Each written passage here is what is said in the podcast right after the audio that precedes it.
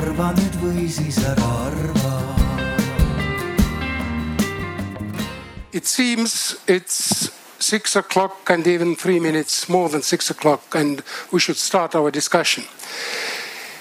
Unfortunately, COVID has taken, taken toll in the ranks of, of, of, this panel, and this is unfortunately not the only panel it has taken toll.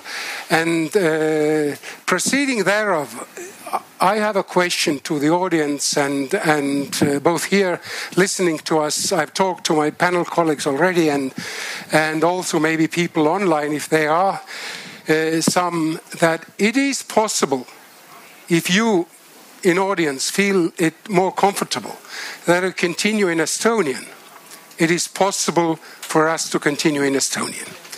If there's a problem, then, of course, as promised, the discussion will be in English. But I, I, I, hope very much that then nobody is, is reading in the newspapers that the, the, the, panel, the Estonians, went that far that they don't speak their mother tongue anymore and they try their broken English instead. So I know there are a few people who'd prefer English. Actually, Finnish would be fine. Finnish would be fine. Well, if I start in Finnish, I think you soon understand that it's not a good option. But, but even, even in that case, I may try. Hands up, who's English? English? I don't care. We'll start in English, and if you are, we are tired and the audience asks us to continue in Estonian, we'll do the second or a third part of it in Estonian. If that's fine, then we'll start we'll start in English. I'll make a short intro telling that it's not only the Arvamus Festival and the panel here, but it's this discussion I hope co contributes to a broader endeavor.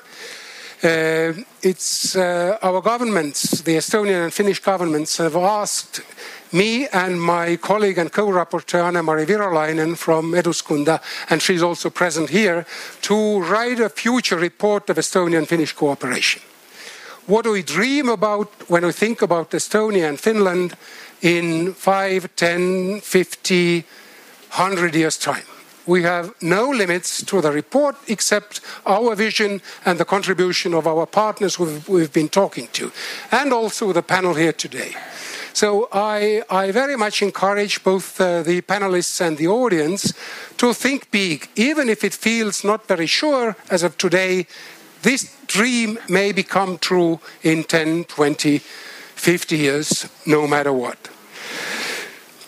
Secondly, I've noticed that how many Finnish participants there are on this uh, Arvamus festival if not every every second, then at least in every third panel you see somebody with some links to, to Finland, including this one here today. I don't think this was the case uh, two years or five years ago when the Arvamus Festival started. I think this is a good sign. However, on the second hand, especially concerning the language issues, you, of course, have noticed that we were discussing whether we proceed in Estonian or English, but not Finnish yet. And when you think back, at least the Estonian participants know that 30 years ago, at least in Estonia, not that much in Livonia, Finnish was one of the first or second foreign languages. To open the window to the world and to understand the world, to, and Finnish television was something that was a must for, for very many of us. Nowadays, the knowledge of English or Finnish, at least on that level to understand even the news or, or following the news, is not on that level as it used to be.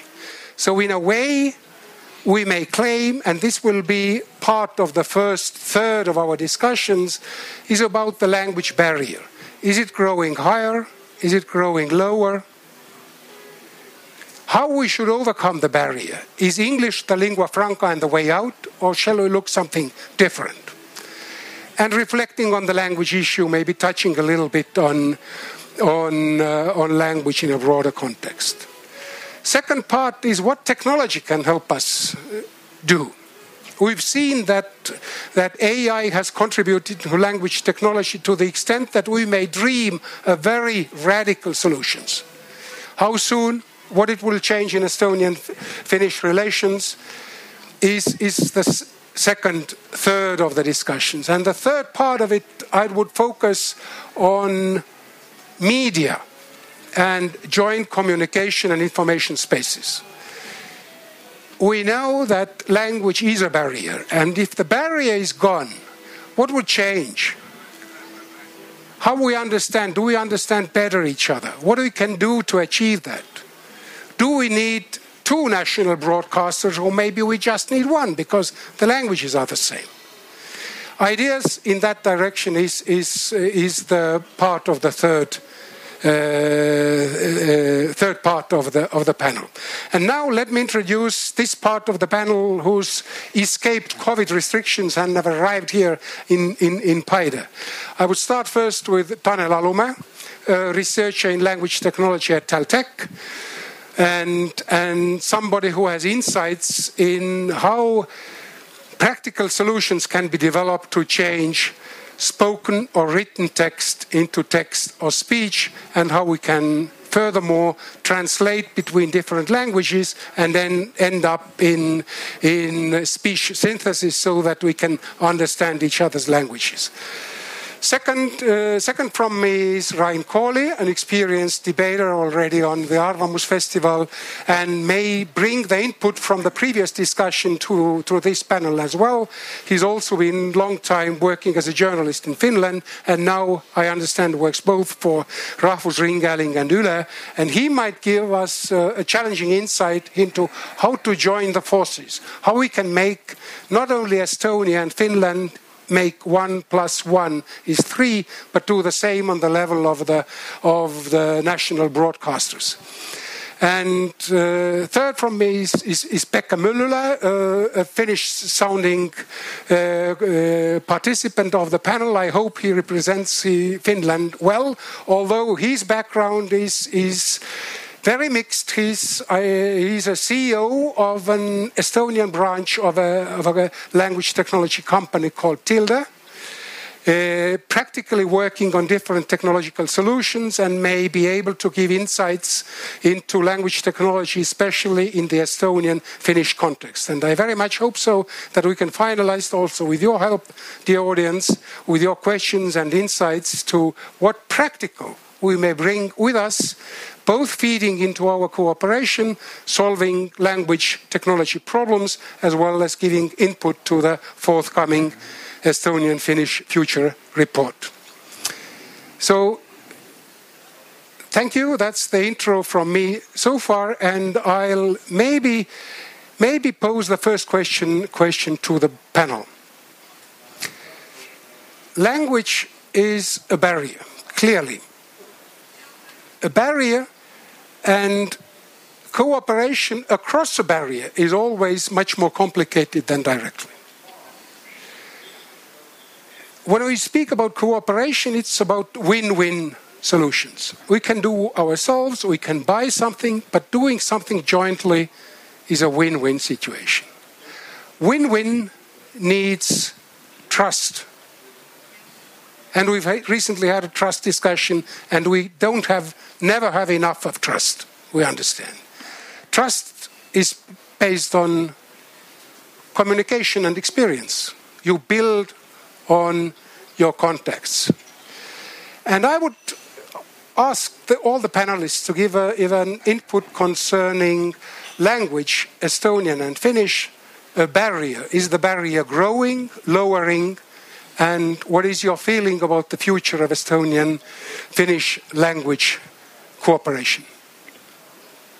Who's the first? Rain, Rain, with your experience, please.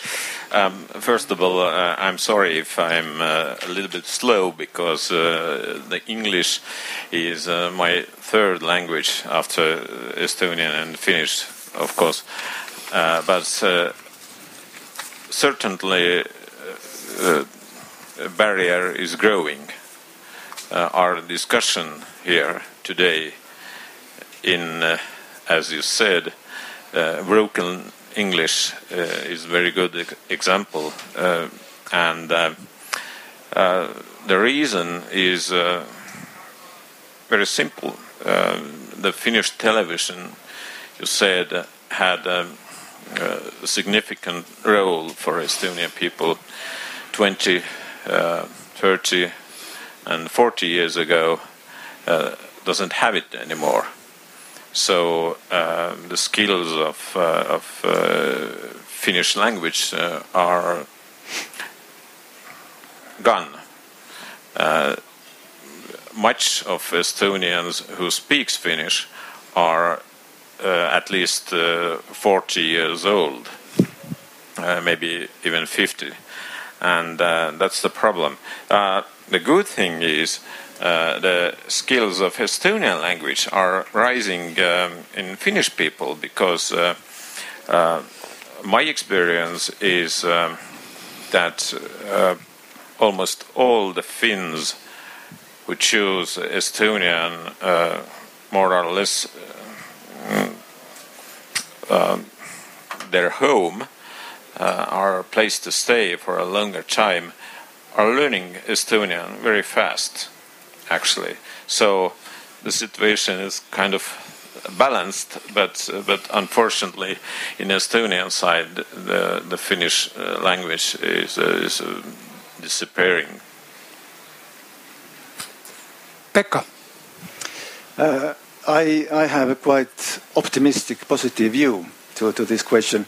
I think that that situation that was 30 years ago, uh, that so many Estonians spoke Finnish, that was very unbalanced in a way. That was that was the window to the West, and and, uh, and people were looking at that, and and uh, for many people thought it's uh, only option. Fortunately, not, not, it's not anymore only option, and and Estonians have a lot of possibilities, options. I think it's a, from Finland's point of view a little bit problem that that uh, Finland's image uh, in, in in the eyes of Estonians is not in such high level that it could be. It is in the good level. I think that our relations are very good and people look at, at positively. But maybe Finland has been seen as a little bit, I don't know, tired, old-fashioned, or, or not where things are happening. This kind of a place. So young Estonians are, of course, looking at different opportunities. But why I'm optimistic is exactly what Ryan you said that that uh, Finnish people have started to talk Estonian so much more than, than earlier. And being interested in Estonia, I came. I can say, say that I have 15 years experience in, in Estonia, and comparing 15 years ago, the situation has changed much in, in that regard. That's, that's one thing that I, I'm, I'm optimistic. Another thing, of course, are these technologies which help us to understand each other. That, um, and I think that good technologies also um, um, inspire and motivate people to learn different languages. So I think that they are also tools for, for learning Estonian and, and Finnish. And third most important thing is that um, we very easily forget that learning for a Finnish person learning Estonian or Esto- Estonian learning Finnish, it is not so complicated like a completely foreign language. There are so many similarities that we should promote and, and emphasize that part. So I think that people would probably be more interested in learning it also when they notice that maybe uh, half of that time I'm, I'm devoting to learning German, I can, I can learn Estonian. Unfortunately, um, the Estonian and the Finnish languages uh, are not so close to each other as uh, Scandinaviska, and, and, and uh, if you speak uh, Finnish to Estonian, he doesn't, uh, she doesn't uh, understand you completely, but uh, but maybe in 500 years the languages are, are coming closer because uh, we have a common uh, basic language uh, in history. But think about it. I, I have lived in different countries, and, and uh, it is amazing that when I, I first ca- uh, time came to Estonia, that I understood something like 15% of something. It was already so much familiar. But if you go to Hungary, or we are in the same language Ah. group, but you don't understand anything. Tanel. Well, uh, of course, I agree, I agree with uh, previous uh, speakers. Uh, I also I am one of the last uh, generations who still used to watch TV uh, with my mother translating MacGyver and uh, Knight Rider to me. So I got the instant parallel corpora in real time, so I could learn to understand Finnish. So nowadays, of course, the children don't have uh, this experience anymore. But uh, so from this point of view, we the barrier between our languages uh, much higher than before. However, uh, I'll uh, jump straight into the language technology. So if I actually need to read some Finnish text, then I would say that it is much more accessible to me than it was for a common person in Estonia 30 years or 40 years ago because uh, of uh, language technology. So, um, machine translation between uh, uh Finnish and Estonian works amazingly well uh, for already 10 years at least. So, uh, if I need to understand this Finnish text that I'm interested in, I can read it in Estonian and I will understand everything basically so that from that point the barriers is not so high anymore. This brings me to a, to a, to a strategic question. If we think that we are responsible for the future of the communication between our countries and our peoples, shall we invest into classical language teaching in the schools starting from age, I don't know, six, seven, eight, nine, ten? train teachers, uh, organize special schools, or shall we look in the other direction, support this, but put the main emphasis on something else, on technologies and different solutions? This is, of course, it's not a black and white question, but still priorities must be somehow discussed. Would you like to comment on that? And I'd even ask, ask what the audience feels when we listen to the panelists' re uh, remarks. Tanel. Okay, so uh, I think this question has been asked from me this year already a couple of times from uh, uh, Estonian Broadcasting, and also I took part in some seminar, which basically asked the question that uh, is it true that in the future we don't need to uh, learn foreign languages because language, technolo- language technology will make all the languages accessible to us at an equal level? So, uh, my view is that it won't happen, at least in the next foreseeable future.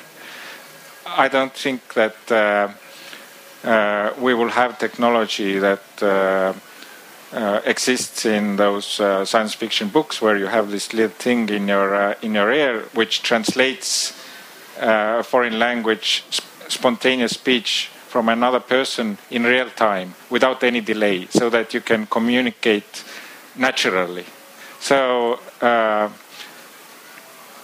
and i don't i also don't think that people uh, want this to happen because for learning foreign languages is uh, interesting, fun, and uh, and provide some good opportunities for just basic human-human uh, communication. So I don't think uh, that it will happen. Right.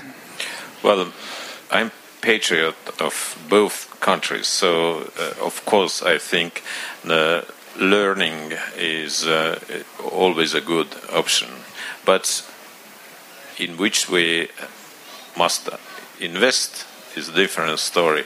But uh, let's not forget that um, uh, machine learning and, and uh, machine translation um, makes difference between spoken and written uh, language because uh, machine translation in written uh, language is, is almost accessible for anybody, but but in in spoken language uh, there is a way to go.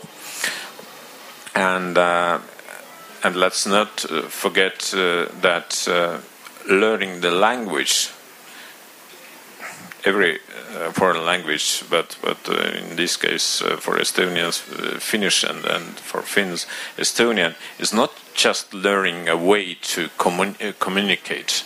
It's it's also learning the way of uh, the background, uh, the culture, and way uh, the other people think and most important feel about life. Pekka. I completely agree with both Tanel and, and Rain. Um, I don't believe that uh, the interest and need to learn uh, foreign languages will uh, disappear or at, uh, actually decrease too much. I think that those people who are interested and motivated to learn them, they will do it also in the future, and there will be just much more different ways of doing it and being more effective in, in learning languages. That's something that we will see in the in the future. But those people who don't want to learn languages, of course, we can also communicate with them through technologies, and and uh, and uh, it will actually only enlarge in the circle of people we can we can communicate, and of course that's a good thing.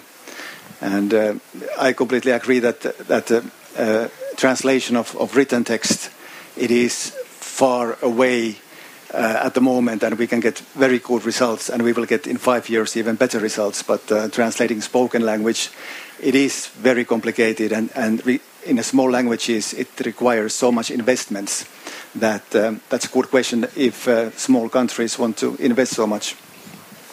If I try to, to conclude from these remarks, then we have to learn the languages, and our children have to learn it.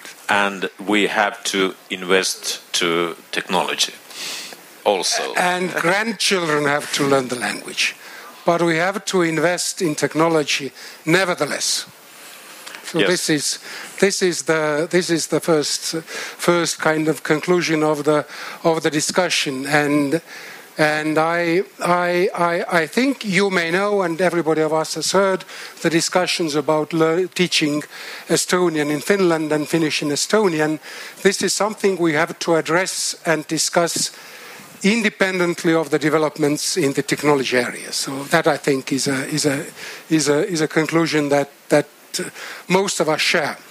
because uh, it's so easy to do actually uh, the Estonian and Finnish languages are so similar that uh, some extra uh, teaching uh, in, in Finnish school, for example, in a part as a part of of uh, mother language, uh, so it could be doable, and, and vice versa in, in Estonia also.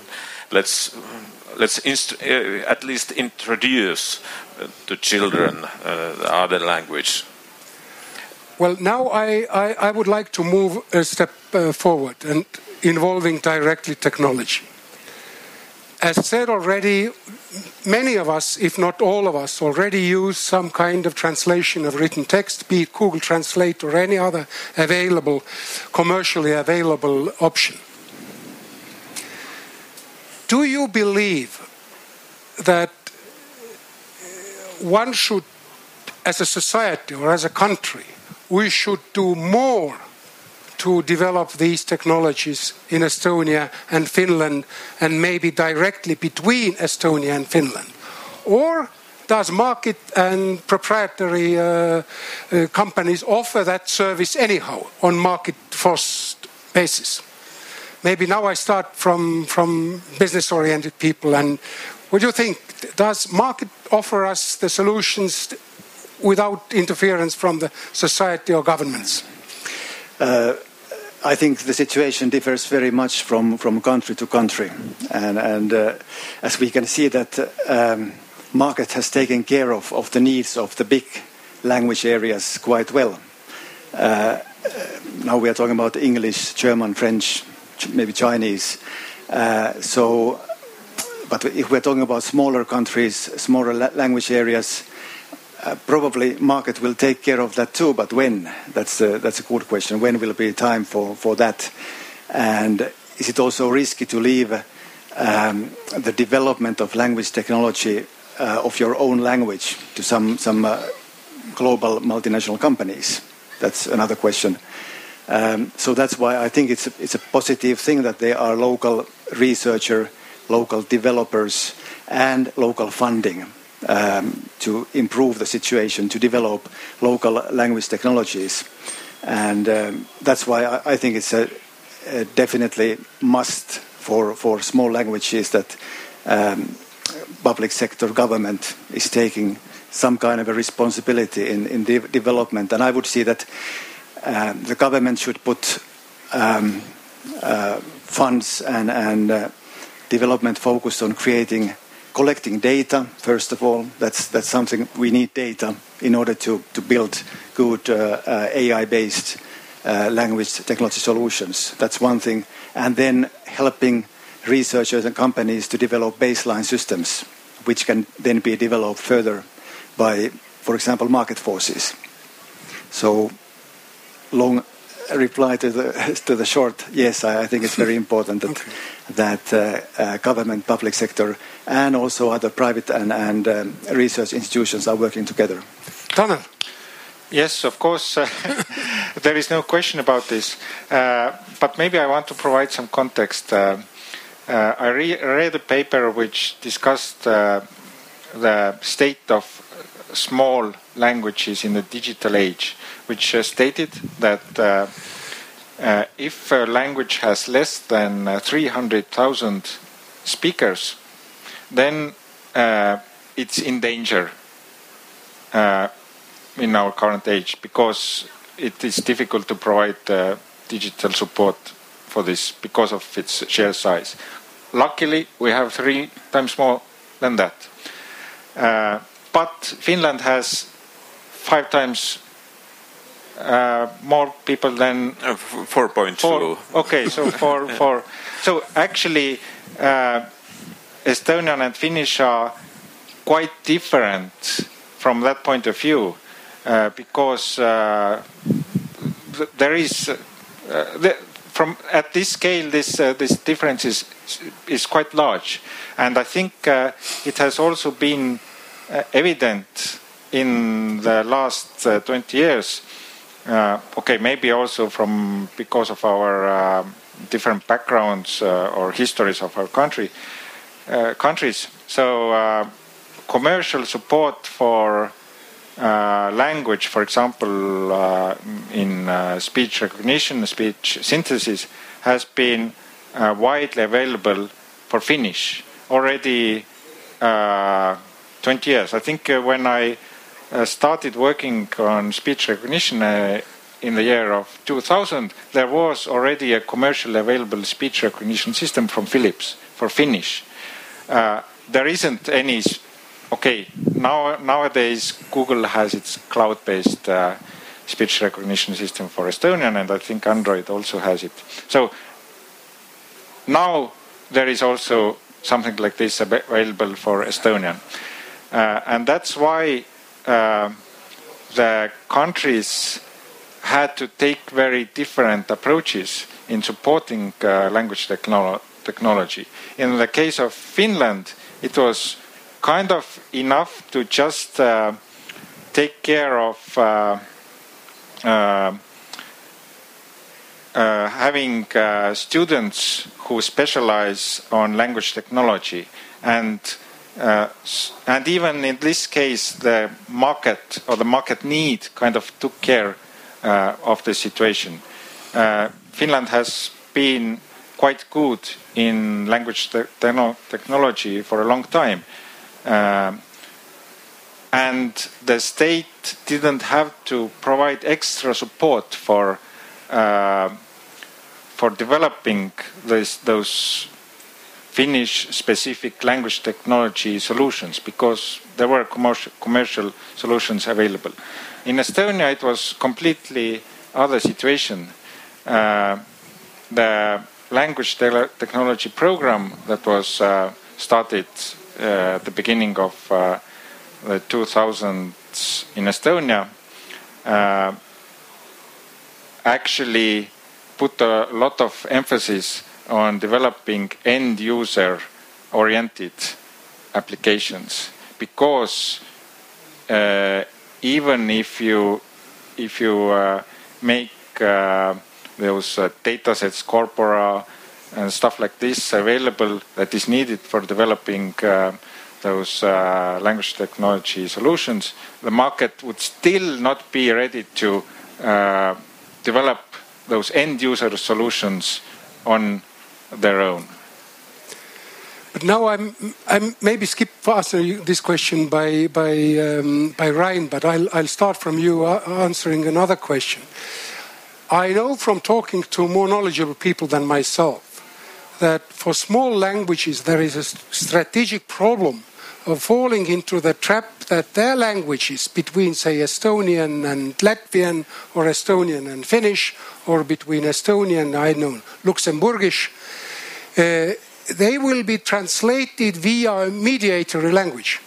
For instance, English. Estonian English first, English uh, Finnish first. And this, is, this will not only affect Estonian and Finnish, but also introduces an Anglo Saxon component into mutual understanding. So this is, this is a longer chain, more complicated, and it poses certain patterns into, into Finno-Ugric languages, if you like. Do you see this as a problem, and do you think this must be overcome by enhancing the direct translation and, and, uh, and interpretation? And Ryan, would you comment on that? Um, I will answer to your previous uh, okay. question first. So yes, of course, there is a need for support from governments and, and, society because Estonia and Finland are so small market areas, especially uh, Estonia, that uh, you can't leave this kind of uh, thing to, as you said, uh, multinational big uh, companies. And uh, what you just described, we see it actually in, in for example, Google Translate because um, translations um, from uh, directly from Estonian to Finnish or vice versa are good, uh, sometimes very good, but uh, the translation between Estonian and English languages are more accurate and and uh, I know my colleagues, for example, who doesn't speak uh, Finnish, uh, they use uh, the uh, English as a, as a mediate uh, language. They, they translate some Finnish text not directly to Estonia but to English and from English uh, uh, from, from Finland uh, they they translate it to English and then from English to Estonian to, uh, for example, in cases they need uh, some details or, or very uh, specific uh, meanings. So, uh, yes, we need development uh, between two small languages. yes, when, when talking about Finnish Estonian machine translation systems, we at Tilde and also Tartu University, we, are, we have both trained direct uh, Finnish Estonian uh, MT systems in, in a general domain. They are, I think, best available systems because they are the only ones uh, at the moment. They are working okay, but they could be much better. But the, the reason why, or the obstacle to improve them, is, is the, the lack of data. Parallel corpora in Estonian and, and Finnish languages, the, the, the similar kind of a texts. So one practical suggestion to the report that in both countries we could uh, somehow initiate and support this kind of a parallel corpora collection and it would, would be in the use of, of researchers and developers in both countries. And let's see then who can who can develop the best engine. It will it will it will win then. But uh, the obstacle is, is, is the data in, in many cases. Well one more question in, in this respect do you believe that since the languages are close, the quality of translation directly may be, let's say, in principle, much better, let's say, between Estonian and English or Finnish and English, because of the closeness of the languages. And related question to that, I know that there are first efforts of translating speech speech directly. That means voice patterns into voice patterns without written text. what do you see? What are the prospects? Because speech to speech, Estonian and Finnish might have an added value because they are so close. Structure, prosodia, whatever are the, are the qualities. Would you like to reflect whether these two languages are very, very good, might be an example for other small languages to develop in the future? Uh, yes, speech to speech machine translation is a very active research area in the world, and it does really provide many benefits over speech to text to text to speech translation because you can then you can actually transfer the intonation patterns directly to the target uh, speech, which you cannot do if you go to text. uh, at some point. Uh, yes, uh, I also think that translating a close language between close languages is probably easier in the sense that uh, you need less data to train your model. So yes, there are good opportunities, and I also think that um, Finnish and Estonian have kind of similar uh, speaking styles, especially if you compare it to to, uh, to English or maybe Spanish, where you have very different intonation patterns in questions and so on. So yes, it's a, it's a good idea to to study that uh, from that perspective. Pekka. Well, Tanel is much more expert in, in that area, so I, I happily agree with, with him in, in this uh, speech area. I know more about, uh, about the machine translation and text translations, and that's what I know that uh, um, at least in the previous years it has been a problem that Estonian and, and Finnish structurally are quite complex languages and, and machine has had difficulties to understand it. But thanks to, to recent development, that's also a better situation now. So last three, four years, the results have been much better. Uh, so, so that's from the from the text point of view. But uh, but I think that in, in spoken language is a bit different. So it sounds logical. Uh, I don't much more to say because I, I, I agree with the experts here. But but uh, let's not forget that uh, no matter how good the machine translation is. Uh, doesn't matter if it text or a spoken language, it doesn't translate everything. There is a, much more in communication in, in language. Language is a, is a, is a, uh, so basic element of being human that machine can't translate all the, the context and, and all the details. Uh, nevertheless, non-verbal uh, communication, for example. Well, I just wanted to say that even spoken language can't express all our, our all, everything we want to say or at least communicate because of body language and everything yeah, else. Well, ladies and gentlemen, as, as I promised after a short discussion in the beginning that we'll do the second half in Estonian. I'm awfully sorry for those who don't understand it directly, but I do believe that there are at least some people who benefit from this switch to Estonian. So we are not discriminating too hard. Uh, aitäh kõigile, kes, kes eh, siiamaani meid on, meid on inglise keeles jälginud ja võib-olla leiavad selle lihtsama nüüd eesti keeles, eesti keeles jätkata ma küsiksin võib-olla selles teises pooles mõningaid praktilisi, praktilisi mõtteid.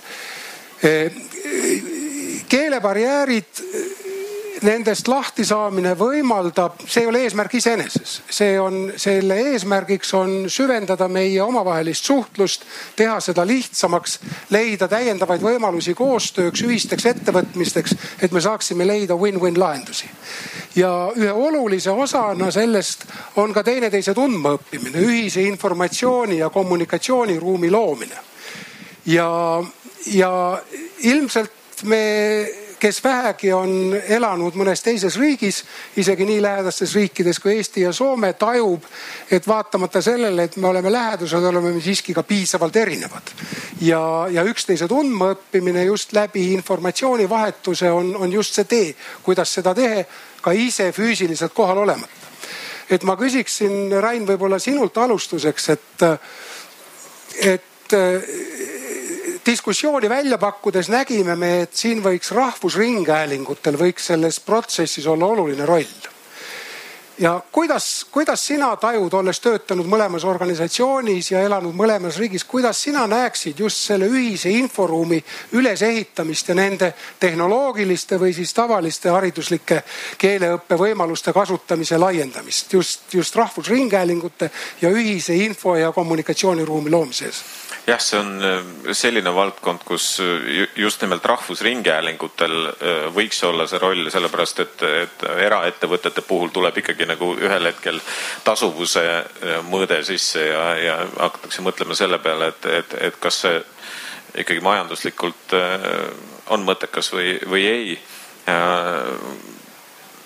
meil on tegelikult ju rahvusringhäälingutel mõlemas suunas auväärne ajalugu sellest ei ole nii väga kaua aega möödas, kui Eesti Rahvusringhäälingul on olnud soomekeelseid saateid ja, ja tegelikult ähm, noh, Soome Rahvusringhäälingul jah, eestikeelseid saateid ei ole.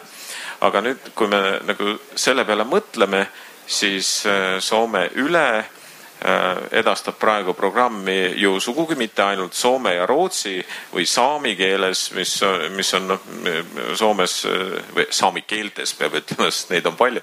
aga et, et tegelikult on ka ingliskeelne ja venekeelne programm, et siin ma näiteks raporti kirjutajatele äh, annaksin küll ühe mõtte, et aga, aga miks ei võiks olla eestikeelset programmi Soome Rahvusringhäälingus? Ja tegelikult ka soomekeelset programmi Eesti Rahvusringhäälingus. sest noh, nii palju me ikka neid inimesi, kes keelt oskavad ja, ja ajakirjandustööd teevad, leiame, et nad saaksid e, e, toimetuse moodustatud, sest ega need toimetused tegelikult ka inglise ja venekeelne toimetus üles ei ole, ei ole väga suured et, et selles mõttes äh, väga vabalt, jah, äh, siin oleks juba, juba üks nagu konkreetne. teine asi on, on muidugi see, et, et mida rohkem vastastikku äh, teineteise keeles materjali vahetada ja esitada nendes kahes rahvusringhäälingus, seda rohkem me looksime ikkagi sildu noh, sellele samale kaduvale keelele meie enda inforuumis. et, et siin eelmises vestluses tegelikult, mis rääkis naabersuhetest, paar inimest mainisid, noh, minu jaoks natuke üllatusena, sest ma ise pean seda võib-olla natukene nagu liiga meelelahutuslikuks, aga, aga soome keel või Soomes toodetud seriaal Süge pulss äh, jookseb praegu Eesti Televisioonis.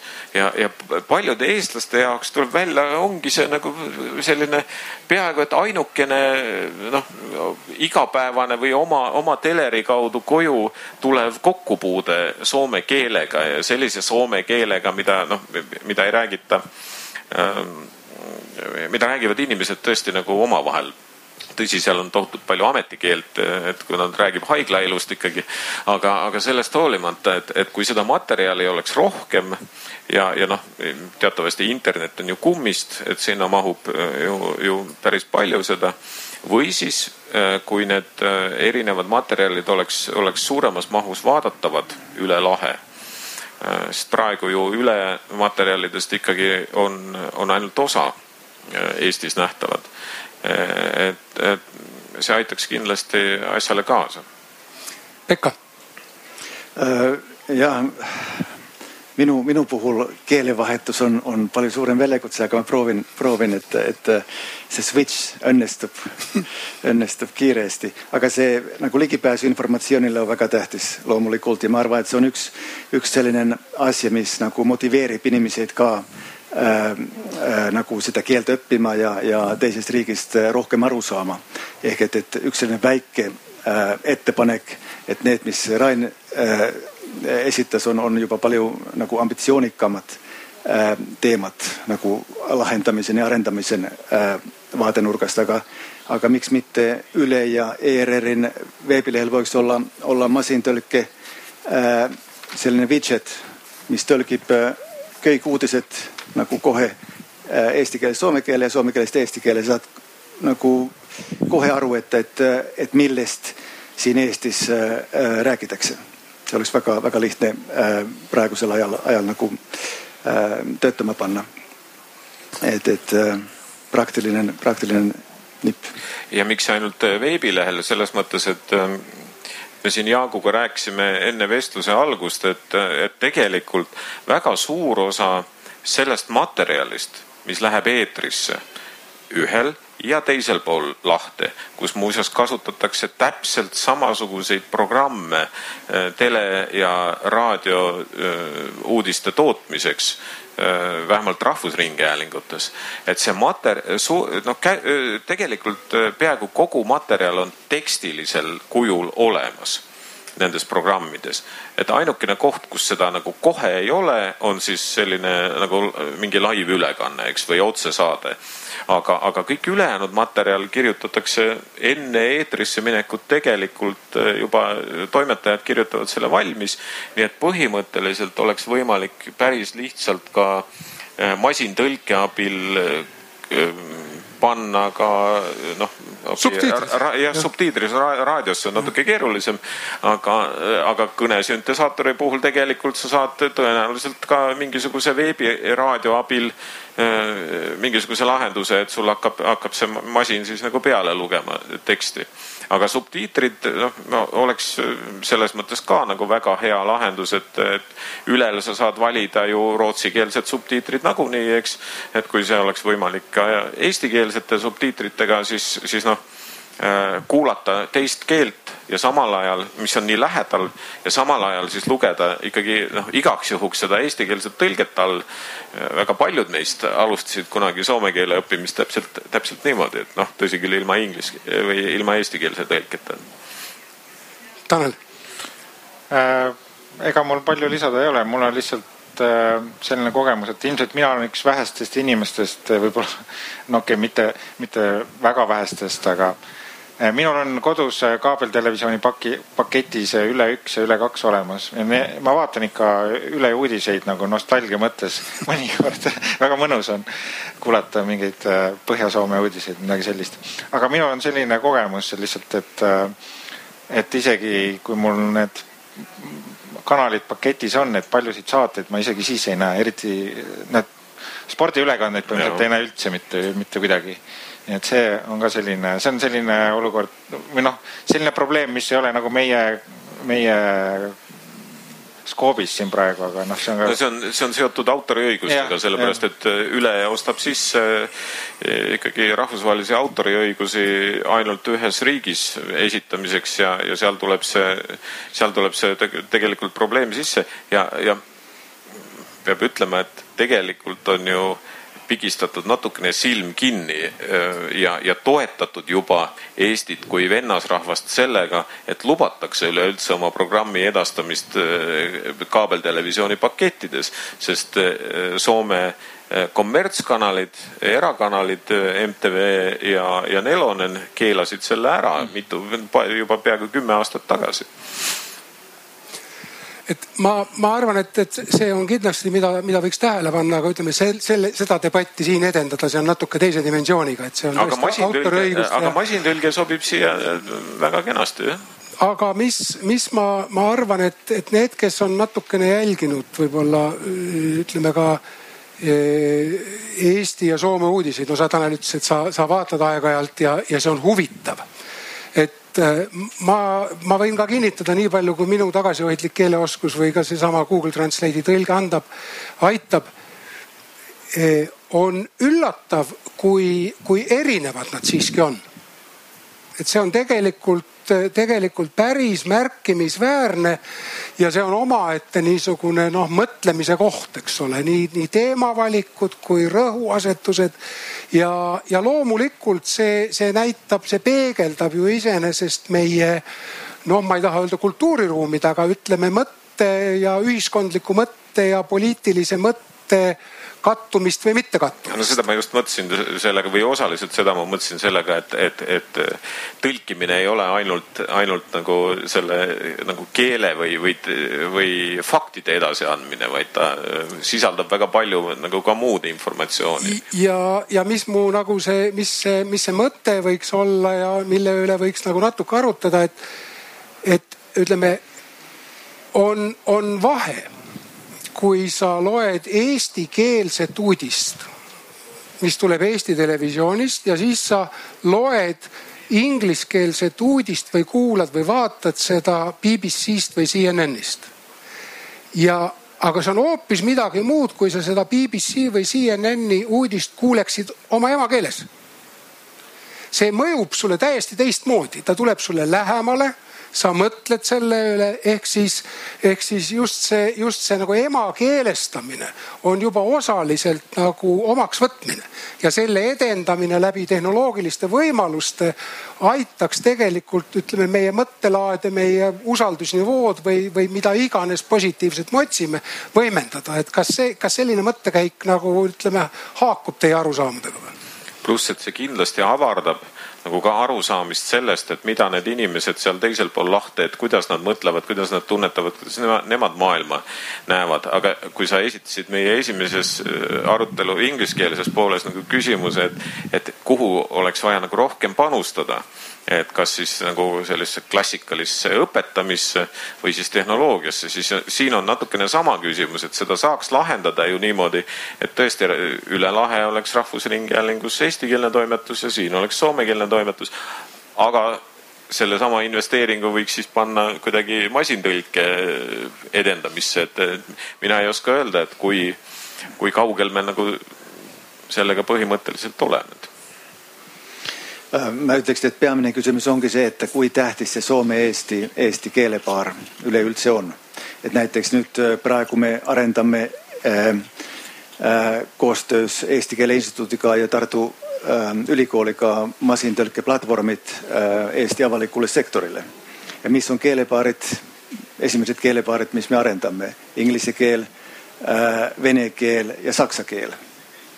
Et ma arvan, että mä ei tea, kui kaugele soome keel tuleb siinä, siinä nagu pingeridas, että et, et kas se on nagu neljäs keel vai seitsemäs keel vai, vai kuidas sitä nagu arvestatakse, että et sellest sõltub väga palju see, see, et, et et, et, et mis keeled arendatakse ja, ja, ja mil viisil.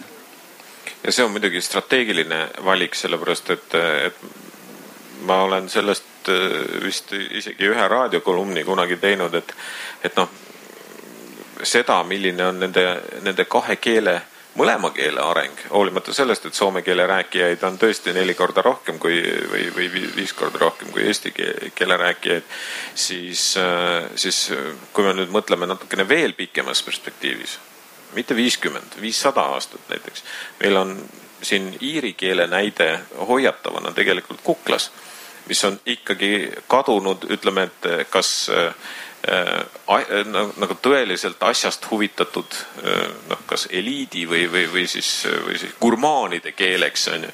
või vastupidi, on taandunud selliseks nagu köögikeeleks, argikeeleks, mingid väljendid kusagil, millega aetakse tõesti pere sees teatud asju, aga, aga selline nagu põhimõtteliselt noh ühiskondlik keel on, on inglise keel ja, ja meile praegu tundub, et oh, see on eesti ja soome keelte puhul selline nii tume tulevik, et, et see küll ei või juhtuda. aga mis mõttes ei või? et kui inglise keele pealetung äh, nagu üleüldse jätkub maailma äh, mastaabis, et et tõesti sadade aastate jooksul võib vabalt juhtuda, juhul kui noh, teatud mõttes valvsus kaotada või, või, või, juhul, juhul kui me strateegilisi otsuseid nagu selles vallas äh, ei tee, sellepärast et noh, vaadakem ringi. see ei ole, see ei ole isegi nagu selle või läinud aasta teema, see ei ole isegi viie või kümne aasta teema, vaid juba kakskümmend viis aastat tagasi õpetajad rääkisid sellest, kuidas äh, õpilased äh, omavahelises vestluses kasutavad inglise keelt järjest rohkem. mäletan ühes Soome hariduslehes kirjutati, murelik, murelik õpetaja kirjutas sellest kakskümmend viis aastat tagasi.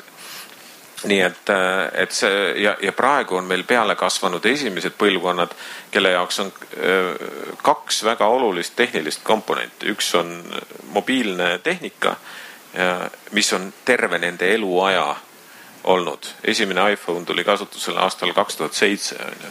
mõelge, kaks tuhat seitse aastal sündinud lapsed on praegu teismelised, nad on elanud kogu elu nagu nuti, korralike nutitelefonide ajastut pluss mobiilne internet ja, ja praeguste kaheteistaastaste jaoks isegi siis, kui nende emakeel on eesti või soome keel, tihtipeale inglise keel on, on ütleme, et sellise kasutuskeelena peaaegu nagu seal pjedestaali teisel kohal, võib-olla isegi trügib sinna nagu esimesele, sest mingites olukordades kasutatakse. Rain, ma arvan, sa, sa, sa puudutasid muidugi palju laiemat teemat, kui meil võib-olla täna üldse siia, siia ruumi ära mahub, rääkimata, rääkimata sellest, et see, see teema on kakskümmend viis aastat juba üleval olnud aga kui seda natukene ümber parafraseerida ja nagu, nagu ütleme, muuta see sinu väited veidi provokatiivsemaks, mida ma luban endale praegu teha. mulle tundus, et ma olin provokatiivne. siis ma, siis ma küsiksin, küsiksin niimoodi, et kas me võime niimoodi väita,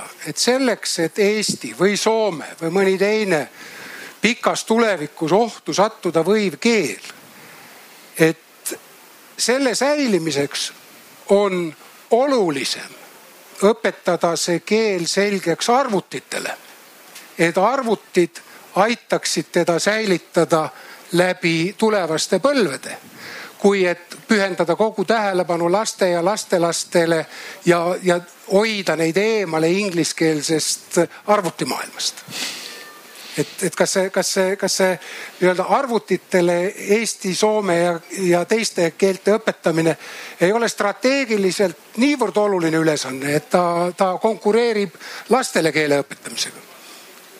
noh, jällegi, et mina ei ole ekspert aga ma ütleks, et mingil tasandil võib-olla on. mulle, mulle meenub äh, siin üks kolme-nelja aasta tagune vestlus Tartus, kus räägi, räägiti küll teaduskeele tulevikust ja, ja tunti muret, et noh, mis saab eestikeelsest teadusest. Äh, aga seal Toomas Kiho, äh, akadeemia peatoimetaja, ütles välja huvitava mõtte, et tegelikult me muretseme võib-olla ilmaasjata et enne kui meie keeled jõuavad hääbuma hakata, jõuab tehnoloogia nii kaugele et meil tegelikult selle äh, noh, ikkagi meie jaoks võõra inglise keele omandamise asemel äh, me pöördumegi ta tagasi oma emakeele võimalikult äh, heale omandamisele, sellepärast et kõik ülejäänud teed maailma on justkui masintõlke abil lahti, aga ega taaskord, et, et seda peavad siin kõrvalistujad ütlema, et, et, et, et kuidas see nagu tundub, see mõte Pekka äh,? ma arvan, et, et äh, mul ei ole kompetentsi äh, nagu rohkem, rohkem midagi muud kui omad arvamused rääkida, et, et, et mulle tundub, et nad ei ole konkureerivad suunad, et, et me peame nagu keeletehnoloogia panustama paremat ja paremad lahendused leidma iga aasta seda arengut nagu kiiremaks tegema ja, ja, leidma uued, uued state of art lahendused. aga siis oma emakeele eest peab nagu hoidma ja, ja, ja lapsed ja noored õpetama ja, ja, ja vanemad ka peaks õppima emakeelt paremini. ehk et, et see, ma ei tea, et kas nad on nagu konkureerivad. ei, need, need ei olegi konkureerivad, ma mõtlengi, et emakeele oskus tegelikult toetab seda noh, et, et ta käib käsikäes nagu selle keeletehnoloogia mm. arenguga, sellepärast et keeletehnoloogia, kui ta on piisavalt võimekas, siis sa ei pea püüdma noh ikkagi nagu mingil tasandil poolikult või, või, või kombates äh, mm. õppima, õppida seda teist või kolmandat keelt, vaid piisab sellest, et sa oskad oma emakeelt väga hästi. jah, et selles mõttes see, mis on nagu äh, vaimustanud mind selle viieteist aasta jooksul, kui Eestis olen olnud, et, et kui palju Eestis äh, nagu räägitakse ja panustatakse emakeele äh, nagu äh, mõtlemiseks ja, ja arendamiseks ja, ja hoolitsemiseks. Soomes samuti tegelikult. minu meelest siin on, on nagu vahe, et, et soomlased ei ole nagu nii, eh, nii mures või, või nii palju mõtles selle, selle asja peale. et Eestis see minu meelest on nagu palju-palju suurem see, see nagu teema. Tanel. ja võib-olla sellepärast see ongi see vahe, sellepärast et see kõnelejate arv, arvuvahe on ka päris suur aga tulles tagasi nende küsimuste juurde, et kas me peaksime panustama arvutitele arvutites või noh, keeletehnoloogiasse, et keel säiliks, jah, loomulikult. seda on väga paljudes äh, nagu sellistes aruannetes, memodes välja toodud, et see aitab kindlasti kaasa äh, ja väldib keele hääbumist nagu just selles digitaalses maailmas. kas me peaksime äh, hoidma oma lapsi inglise keele eest, et, et nad ei risustaks inglis, inglise keelega eesti keelt? jumal hoidku mitte, loomulikult mitte selles mõttes, et äh, mm, tänapäeva keeleteadlased, ma arvan, vist kõik on nõus sellega, et äh, keel ongi sellises loomulikus muutuses ja me ei tohiks nagu, no üks asi on kirjakeel ja teine asi on kõnekeel ja see, kuidas kõnekeeles räägitakse. Äh, see, kuidas sa räägid kõnekeeles, kas sa paned sinna iga, igaks teiseks sõnaks inglise keele sõna, kõik on õige ja lubatud ja ei tohi, keegi ei tohi võtta seisukohta, et see on vale. et ma arvan, et ütleme keeleteaduse sügavustesse puurimine võib-olla väljub meie kompetentsi ajapiiridest, et selle, see, aga üks järeldus tundub siiski siit küll kooruvat ja mis viitab natuke ka selle Toomas Kiho osundusele, et, et, et võib-olla tõesti tehnoloogiliste võimaluste arenedes on see surve võõrkeelte ja veel mitmete võõrkeelte oskamiseks mingisugusel määral väiksem ja see, sealt võib leida aega siis oma emakeele paremaks oskamiseks, et oma mõtlemisaparaati tegelikult ühes keeles teha paremaks ja professionaalsemaks, selle asemel, et siis kolmes keeles olla kesine.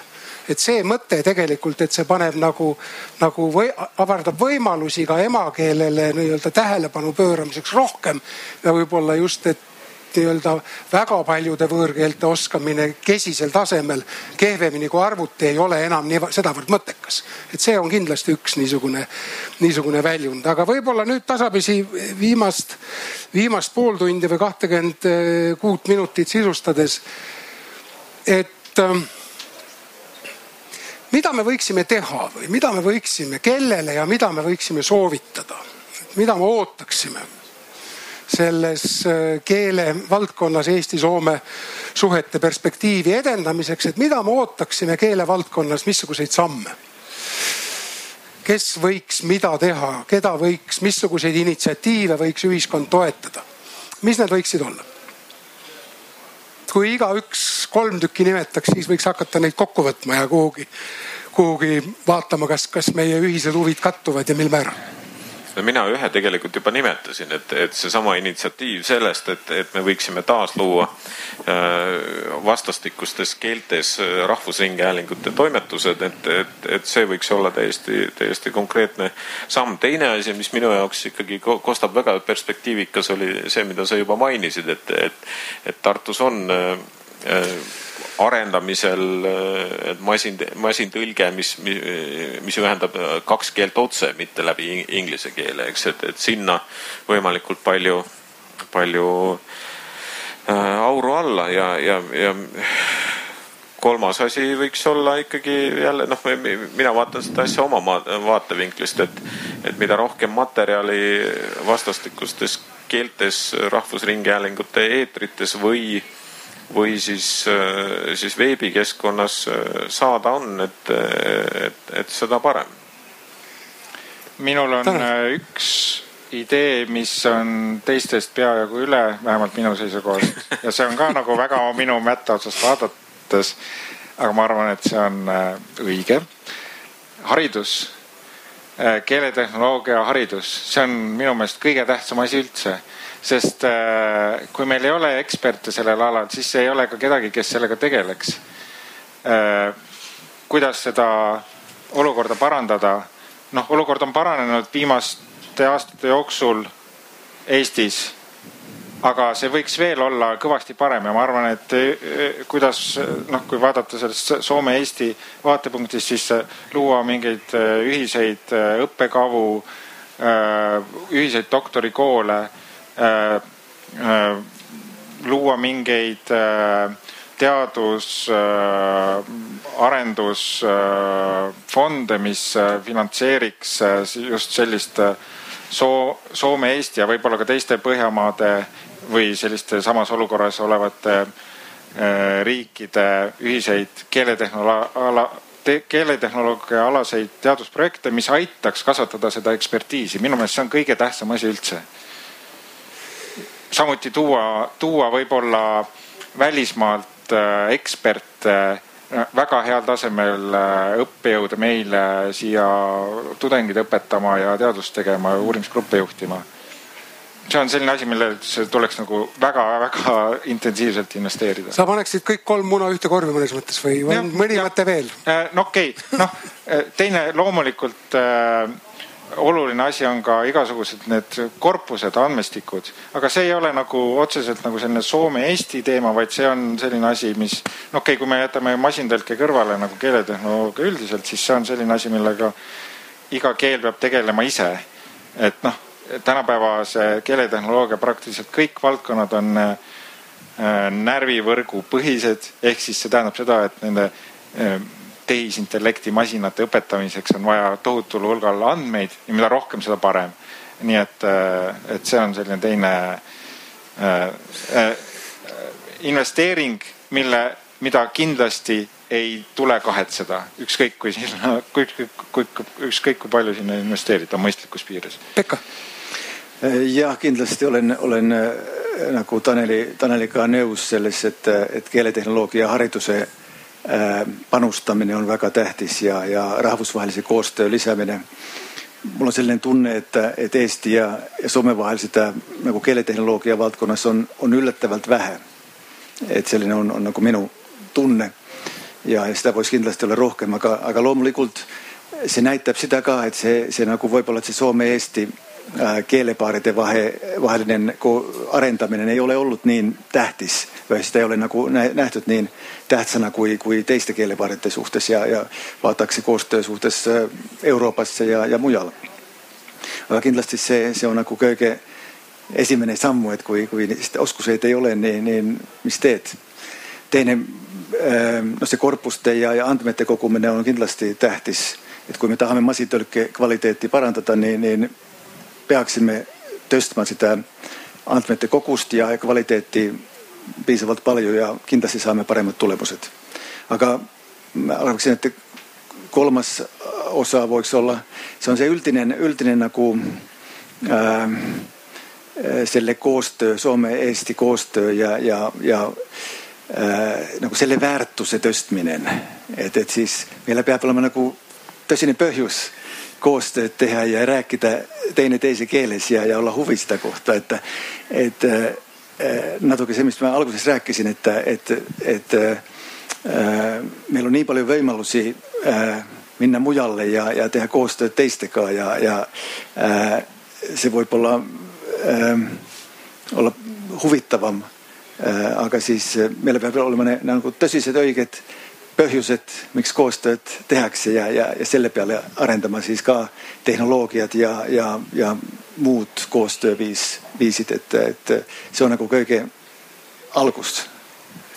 ma nii palju veel ja. lisaksin oma mõtetele, et, et noh, see on tõenäoliselt ikkagi nagu kõige utoopilisem nendest, et meil tõesti taasluuakse vastastikku nüüd oma emakeelsed toimetused.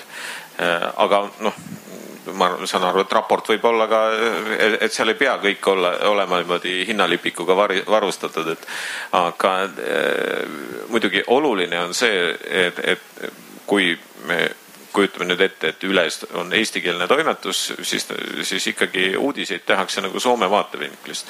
aga, aga väga oluline on see, et, et noh, minusuguseid oleks, oleks ka tulevikus, et ma olen sain sel suvel viiekümne aastaseks, et ma ei tee lõputult seda tööd, aga et, et Eesti, Eesti ja Soome Rahvusringhäälingut kindlasti kindlustaks selle, et kummalgi oleks teisel pool lahte noh, selline tagat-, garanteeritud korrespondendi punkt ja, ja korresp-, garanteeritud korrespondendid, sellepärast et nende inimeste töö on, on ikkagi nagu seletada ka seda ühiskonda teisele poole lahte, et need peaksid olema need inimesed, kes siis tunnevad nii, nii seda keele ja kultuuriruumi, kuhu nad oma sõnumit suunavad, kui ka seda keele ja kultuuriruumi, kust nad need siis võtavad, et, et, et selline teatud, et need inimesed teeksid selle töö, mida see masintõlge siis mitte kunagi ei, ei, ei suuda teha nii, aga nüüd ma arvan, et meil on natuke aega veel, veel küsimuste jaoks auditooriumist ja,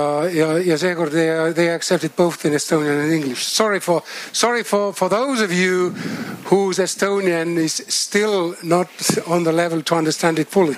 But the questions may be, may be posed both in, in Estonian and English, please. If I may start, uh, English or Estonian? Your choice. okay. Um, ma siis ikkagi oma emakeeles, et ma olen küll selle projektiga nagu seotud, aga hetkel täiesti tavakodanikuna ja üritan vaadata siis äh, noorema generatsiooni perspektiivist, et ennast ma siiski pean veel nooreks. Ja et kui minu vanemad äh, õppisid ära soome keele selleks, et saada suhelda oma sõpradega üle lahe, siis täna mina oma sõpradega Soomes suhtlen inglise keeles, sest nii me saame teineteisest kõige paremini aru ka selle kõige mm, emotsionaalsemas mõttes, et me saame neid emotsioone edasi anda inglise keeles. ja kui tegelikult on siin ka eksperdid öelnud, et uh, see foreseeable future, et see, see tulevik, mida meie siis veel näeme, et selle aja jooksul see tehnoloogia seda ei paku, siis mis on nagu nende inimeste, no ütleme siis noore generatsiooni motivatsioon seda tehnoloogiat kasutada omavahel suhtlemiseks. et lähtudes sellest, et meil täna koolides inglise keele õpe on nii tugev ja nagu Rain kooli ka välja tõi, siis kaheteistaastased oskavad ka väga hästi inglise keelt ja see pjedestaalis, pjedestaalil juba pürib esikohale. et siis, kui see inglise keele oskus, me ei näe kuskilt, et see nagu vaibuks, väheneks, et siis ongi see küsimus, et mis see meie motivatsioon tulevikus äh, seda tehnoloogiat kasutada oleks. aitäh. kas ma tohin alustada?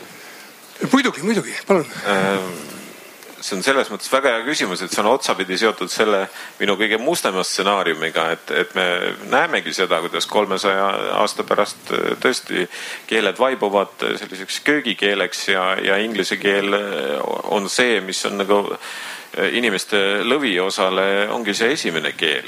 Ja, ja ega mul ei olegi seda vastust, juhul kui see, juhul kui see vajadus noh ei, ei kätke nagu vajadust jõuda teise inimeseni kõige sügavamal tasandil. sest ma ikkagi nagu kahtlen, et kas inglise keele, läbi inglise keele on võimalik päris kõike edasi anda, et jah, emotsioonidest saab aru ja, ja, ja, ja see on selles mõttes lihtne, et, et, et võib-olla tõesti eestlasele, kui öelda, et I love you, siis ta saab nagu sellest nagu paremini aru, kui et rakastan sinu ja, ja noh, jälle vastupidi, aga, aga et ega mul ei olegi nagu siin midagi öelda, ma mõtlen, et mina, minu jaoks terendab täiesti reaalse võimalusena ikkagi see, et, et see täiesti pragmaatiline äh, lähenemine ja need valikud, mis on kõige lihtsamad praegu.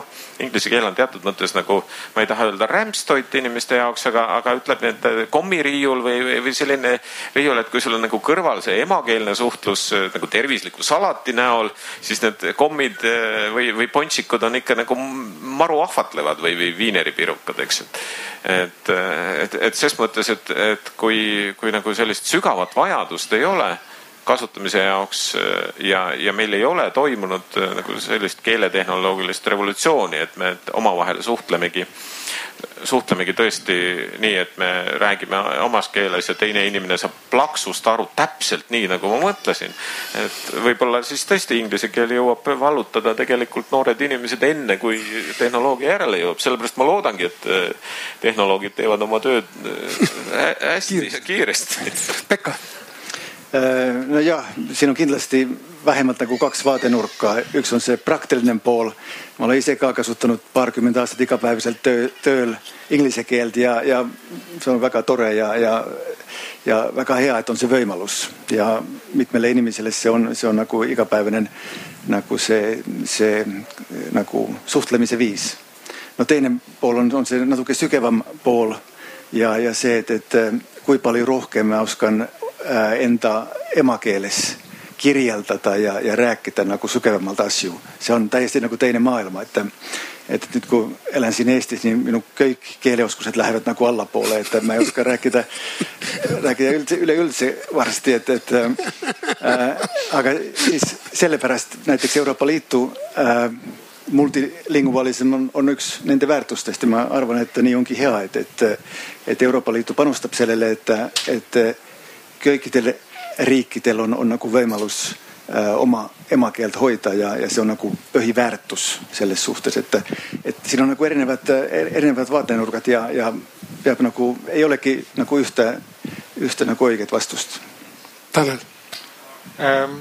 ma arvan, et mul vist ei ole midagi lisada, ma arvan, et see on väga hea küsimus, väga hea äh, pointi väljatoomine ja mul, mul ei ole, mul ka ei ole vastust ma võib-olla ei vasta sellele küll, aga mulle turgatas meelde omaaegne anekdoot, mida võib-olla siin viibijad kõik ei tea ja see pärineb sellest ajast, kui, kui võõrkeelte valikus oli peale soome ja inglise keele ka mõni teine.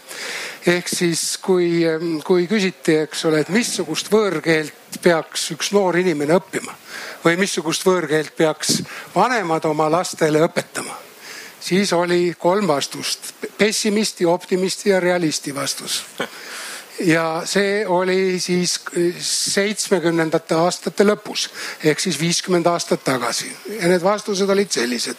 pessimist soovitab õppida vene keelt, optimist inglise keelt ja realist hiina keelt.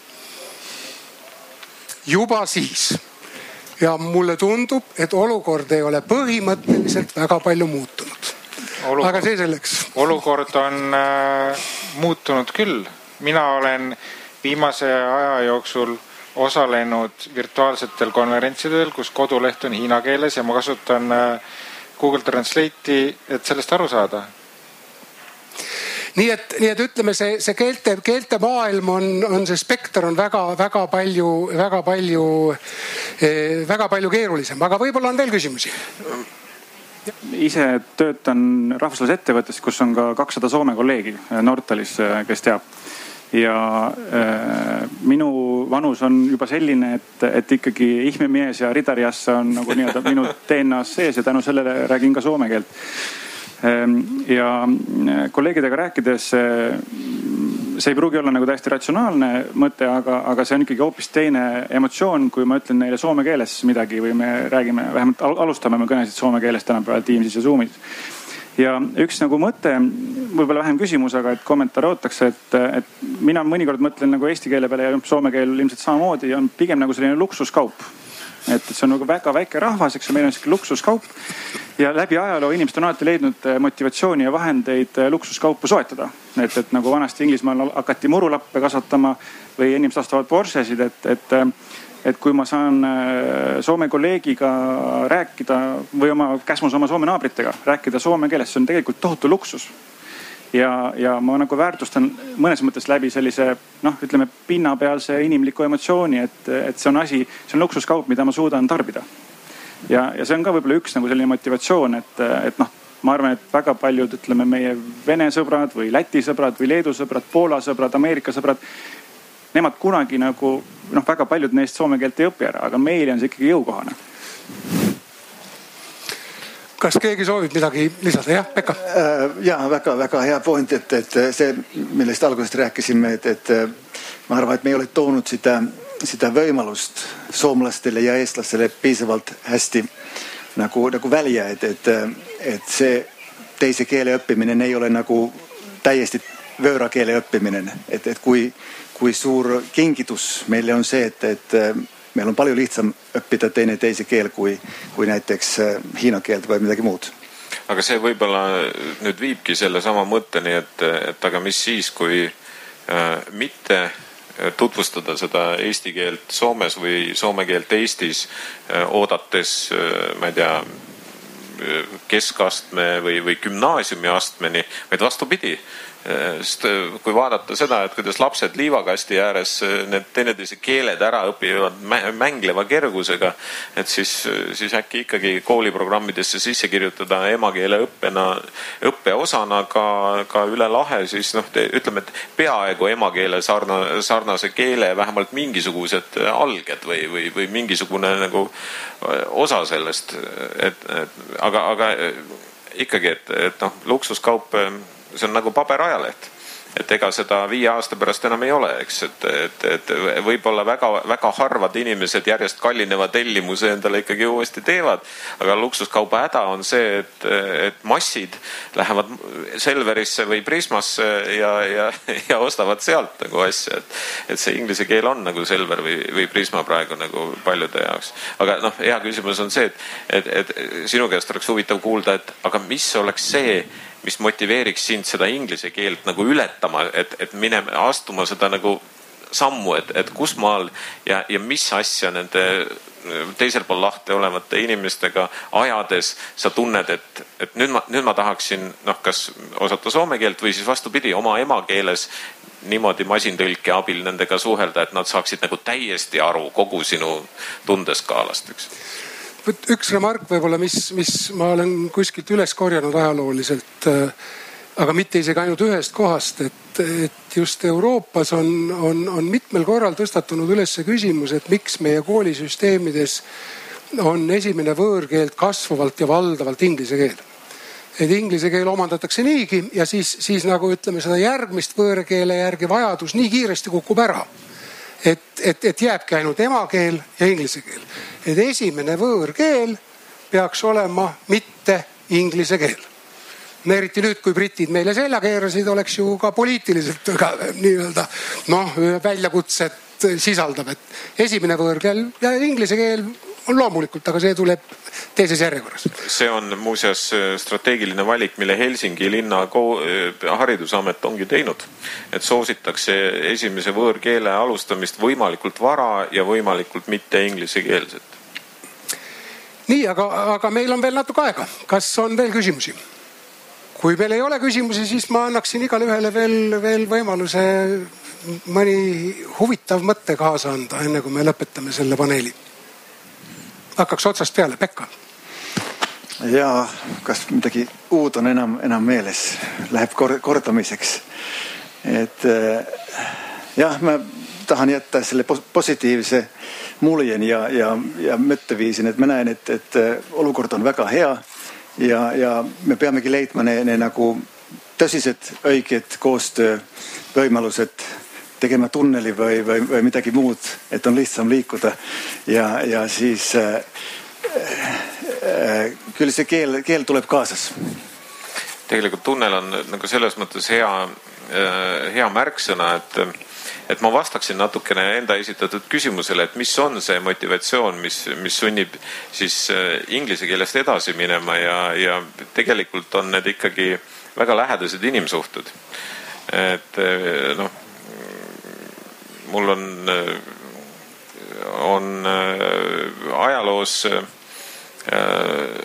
näiteid tuua äh, küll ja küll, kuidas, kuidas ikkagi see, et, et inimesed armuvad, panevad, paneb, paneb nad otsima hoopis teistmoodi lähedust, nii et, nii et rohkem armastust ja rohkem, rohkem äh, abielusid üle, üle lahe või inimsuhteid üle lahe, need ei pea tingimata olema romantilised, võivad ka olla nagu sõprussuhted ja ma arvan, et, et sealt ikkagi sünnib seesama soov siis, siis kas naabritega või, või heade sõpradega ikkagi ühel hetkel rääkida oma emakeeles. see, see, see on miski, mida ei saa programmidega muidugi arendada. minu äh, lõppsõna ütleb seda, et äh, kuigi Eestis on ainult äh, miljon äh, eesti keele kõnelejat, siis äh, tegelikult eesti keeletehnoloogia on äh, selle kohta väga heas seisus. et ma arvan, et ei olegi maailmas ju teist miljoni kõnelejaga keelt, mille keeletehnoloogiline tugi oleks nii heal tasemel. ja tegelikult äh, me oleme väga õnnelikus seisus, et meil on selline riik, millel on äh, selline homogeenne, suhteliselt homogeenne emakeel, et paljudel teistel riikidel noh, eriti Aasias, India ja Indoneesia, Malaisia, sellised, sellised riigid et seal on äh, sadu keeli, mis, mida kõneldakse ja mida meil kõigil on nagu rohkem kui, äh, rohkem kõnelejaid kui eesti keelel ja need ei saa mitte iialgi loota, et neil tuleks selline tugi nagu äh, eesti keelel on. nii et ma olen positiivne tuleviku suhtes. see on hea, mulle tundub, et meil oli siin terve rida positiivseid mõtteid ja, ja, ja võib-olla võib-olla kõige, kõige kesksem mõte, mida ma nagu siit tajusin arutelust ka laiemalt, et kõigepealt vist keegi ei, ei kahtle, et, et emakeele oskus ja selle, selle väga hea valdamine on, on igasuguse suhtluse vundament ja ükski, ükski tehnoloogia tõenäoliselt ettenähtavas tulevikus ei suuda seda asendada ega, ega, ega ka tõlkida ega, ega mõnda teist keelt vahendada sellisel määral. et see on nagu esimene. nii et, nii et siit lootust mingile põhimõttelisele muutusele ei tule. teiseks, teiseks keele tehnoloogiline areng tõenäoliselt väikestel keeltel tasub sellesse panustada üsna sihikindlalt ja, ja selleks, et tagada siis keelte kestmine läbi aja. lisaks inimestele on väga hea, kui ka arvutid sellest keelest aru saavad. et see on igal juhul, igal juhul mõttekas. kolmas mõte, mis mulle siit äh, kaasavõtmiseks on, on selles, et Eestil ja Soomel on objektiivselt ja puht ka noh, ütleme keeletehnoloogiliselt mõistlik ja kasulik oma vastava valdkonna jõupingutusi ühiselt ette võtta. tänu, tänu keelte objektiivsele lähedusele, aga ka tänu sellele, et paljusid asju me saame nii-öelda teha mitte ühel pool, vaid, vaid jagada. eelkõige ma pean silmas seda osundust keeletehnoloogiliste kompetentside arendamiseks ülikoolides ja, ja nii-öelda spetsialistide koolituse valdkonnas. et see on võib-olla midagi, millele varem ma ei ole nagu niisugust rõhuasetust näinud teiseks, et, et keel ei ole kindlasti mitte ainult tehnoloogiline, vaid on ta sotsiaalkultuuriline fenomen. Ja, ja selleks, et Eesti-Soome koostööd süvendada ja arendada, tasub meil seda tehnoloog-, seda teineteise mõistmist, sotsiaalkultuurilist, mitte kitsalt tehnilist, vaid sotsiaalkultuurilist teineteise mõistmist edendada, sealhulgas ka läbi keelebarjääride madaldamise, olgu see siis läbi keeleõppe või tehnoloogiliste võimaluste ja, ja kindlasti rahvusringhäälingutel on mõnes mõttes tundub siiski võtmeroll, et kui siin saab midagi teha pikaajaliselt rohkem kui seni, et see kindlasti oleks, tõuseks kasuks. ja võib-olla kõigi lõpetuseks mingi konkreetne ja praktiline asi, et kui kui riigid suudaksid, suudaksid vastastikku toetada nende paralleelkorpuste arendamist just tõlke osas. et et, et jõupingutused või investeeringud vahetult sellesse valdkonda ka konkreetsete väljunditega ja siis selle loodud produkti avalik pakkumine kommertsalusel kõikidele võimalikele arendajatele, et see võiks olla midagi, mida, mida tasuks teha. aitäh. I'd like to thank the panelists. I'd like to thank the audience for the questions and for your patience listening this bilingual report. I'm sorry for our Finnish audience because this time Finnish was not one of the two languages that we used. I'm off. So, very good, very good advice. Be it based on technology or language competencies, next time we will be bilingual and this will be Estonian and Finnish. Thank you.